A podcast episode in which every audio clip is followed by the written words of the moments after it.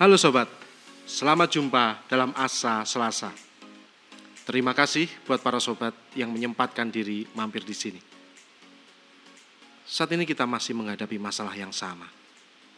Dunia kita masih digelisahkan oleh COVID-19.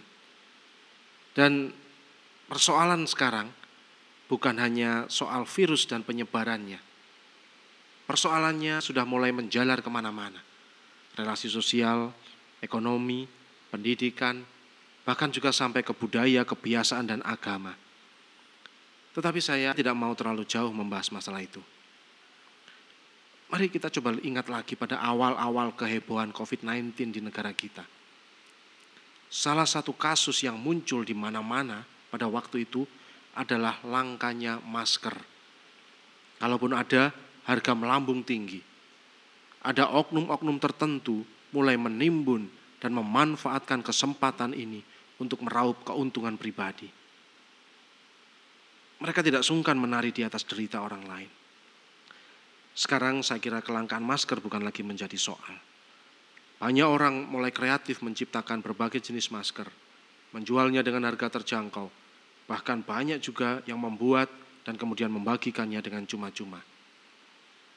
Dan kalau saya tidak salah dengar juga, banyak online shop yang sekarang menambahkan masker dalam list dagangan mereka. Ya, satu lagi, yang sekarang ini lagi laris manis adalah hand sanitizer.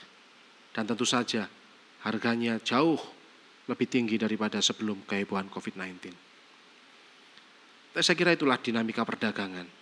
Sekarang harga melambung tinggi, besok bisa turun tak terkendali. Permainan pasar yang ya mungkin sulit untuk kita prediksi. Tapi sobat, di tengah naik turunnya harga barang yang sering tidak terprediksi, ada satu hal yang tetap mahal karena tidak tersedia di pasaran. Apa itu? Itulah harapan. Harapan itu apa sih? Mungkin itu pertanyaan kita. Tapi sebelum sampai ke sana, mari kita lihat dulu satu fenomena lain. WHO mencatat di seluruh dunia setiap tahun ada sekitar 800 ribu kematian akibat bunuh diri. Itu yang tercatat. Bayangkan, 800 ribu per tahun. Itu artinya ada satu kematian akibat bunuh diri setiap 40 detik. Saya kira kita mempunyai pertanyaan yang sama. Mengapa seseorang sampai memutuskan untuk bunuh diri?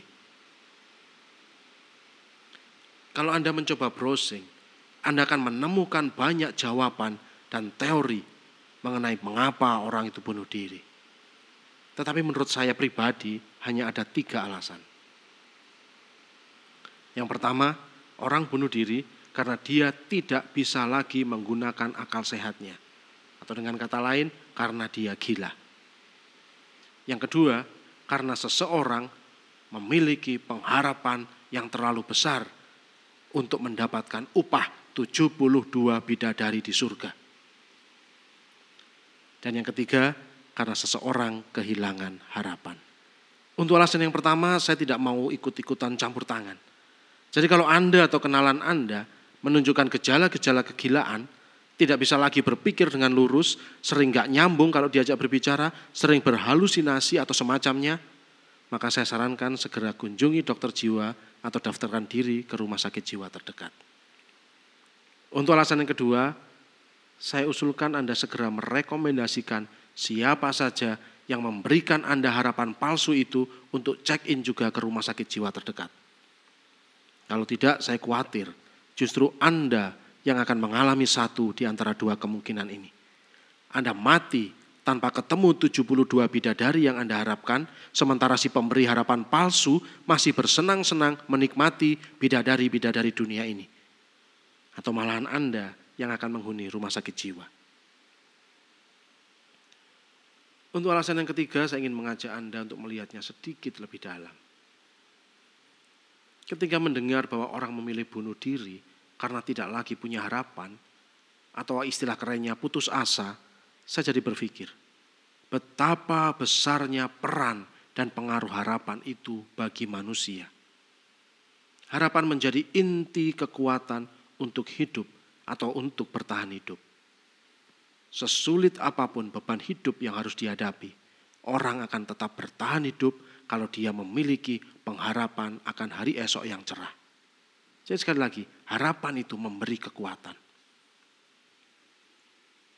Bahkan orang Romawi kuno memiliki semboyan, dum spiro spero.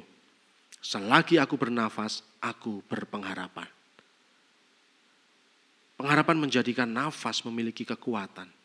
Pengharapan memberi arti dan makna bagi kehidupan. Dan sebaliknya, hilangnya harapan akan berarti hilangnya kehidupan. Putus asa berarti putus nyawa.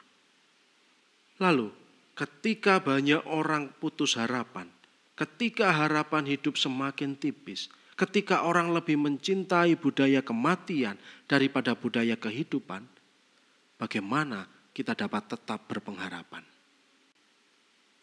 Ada dua sikap yang sering muncul dari manusia ketika menghadapi peristiwa atau persoalan yang seolah tidak ada harapan lagi untuk pemecahannya. Yang pertama, orang menyalahkan Tuhan atau kehilangan Tuhannya. Orang mengeluh dengan berkata misalnya, Tuhan, seandainya engkau ada di sini, tentu semua ini tidak terjadi. Tuhan, seandainya engkau ada di sini, tentu orang tuaku tidak pergi. Tuhan, seandainya engkau ada di sini, dan lain sebagainya, dan lain sebagainya. Atau sikap yang kedua, orang semakin pasrah dan percaya kepada Tuhannya.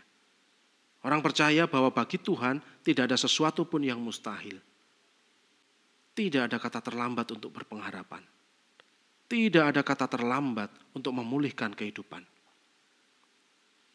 Sikap kedua ini kalau boleh saya bahasakan atau ya menyebutnya dengan istilah lain, saya kira sikap ini bisa kita sebut sebagai iman. Iman itu keyakinan terhadap yang belum terjadi, pengetahuan akan kemungkinan real, dan kesadaran akan potensi. Iman pada dasarnya itu adalah harapan, dan harapan berarti beriman secara penuh. Iman dan harapan boleh dikatakan saling menggantikan. Yang perlu kita catat baik-baik dalam kehidupan bersama, sobat sekalian, yaitu bahwa iman dapat saling menguatkan. Demikian juga harapan dapat saling dibagikan. Maka sebagai manusia yang hidup bersama orang lain, sebagai makhluk sosial, saya kira menjadi tugas kita bersama untuk menguatkan iman mereka yang lemah, untuk memupuk harapan saudara-saudara kita yang sudah kehilangan harapan.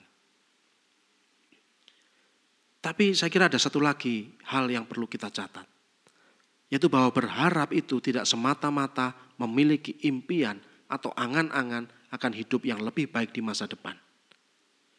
Harapan itu selalu bersifat aktif, mengandung usaha dan kerja keras di dalam mewujudkannya.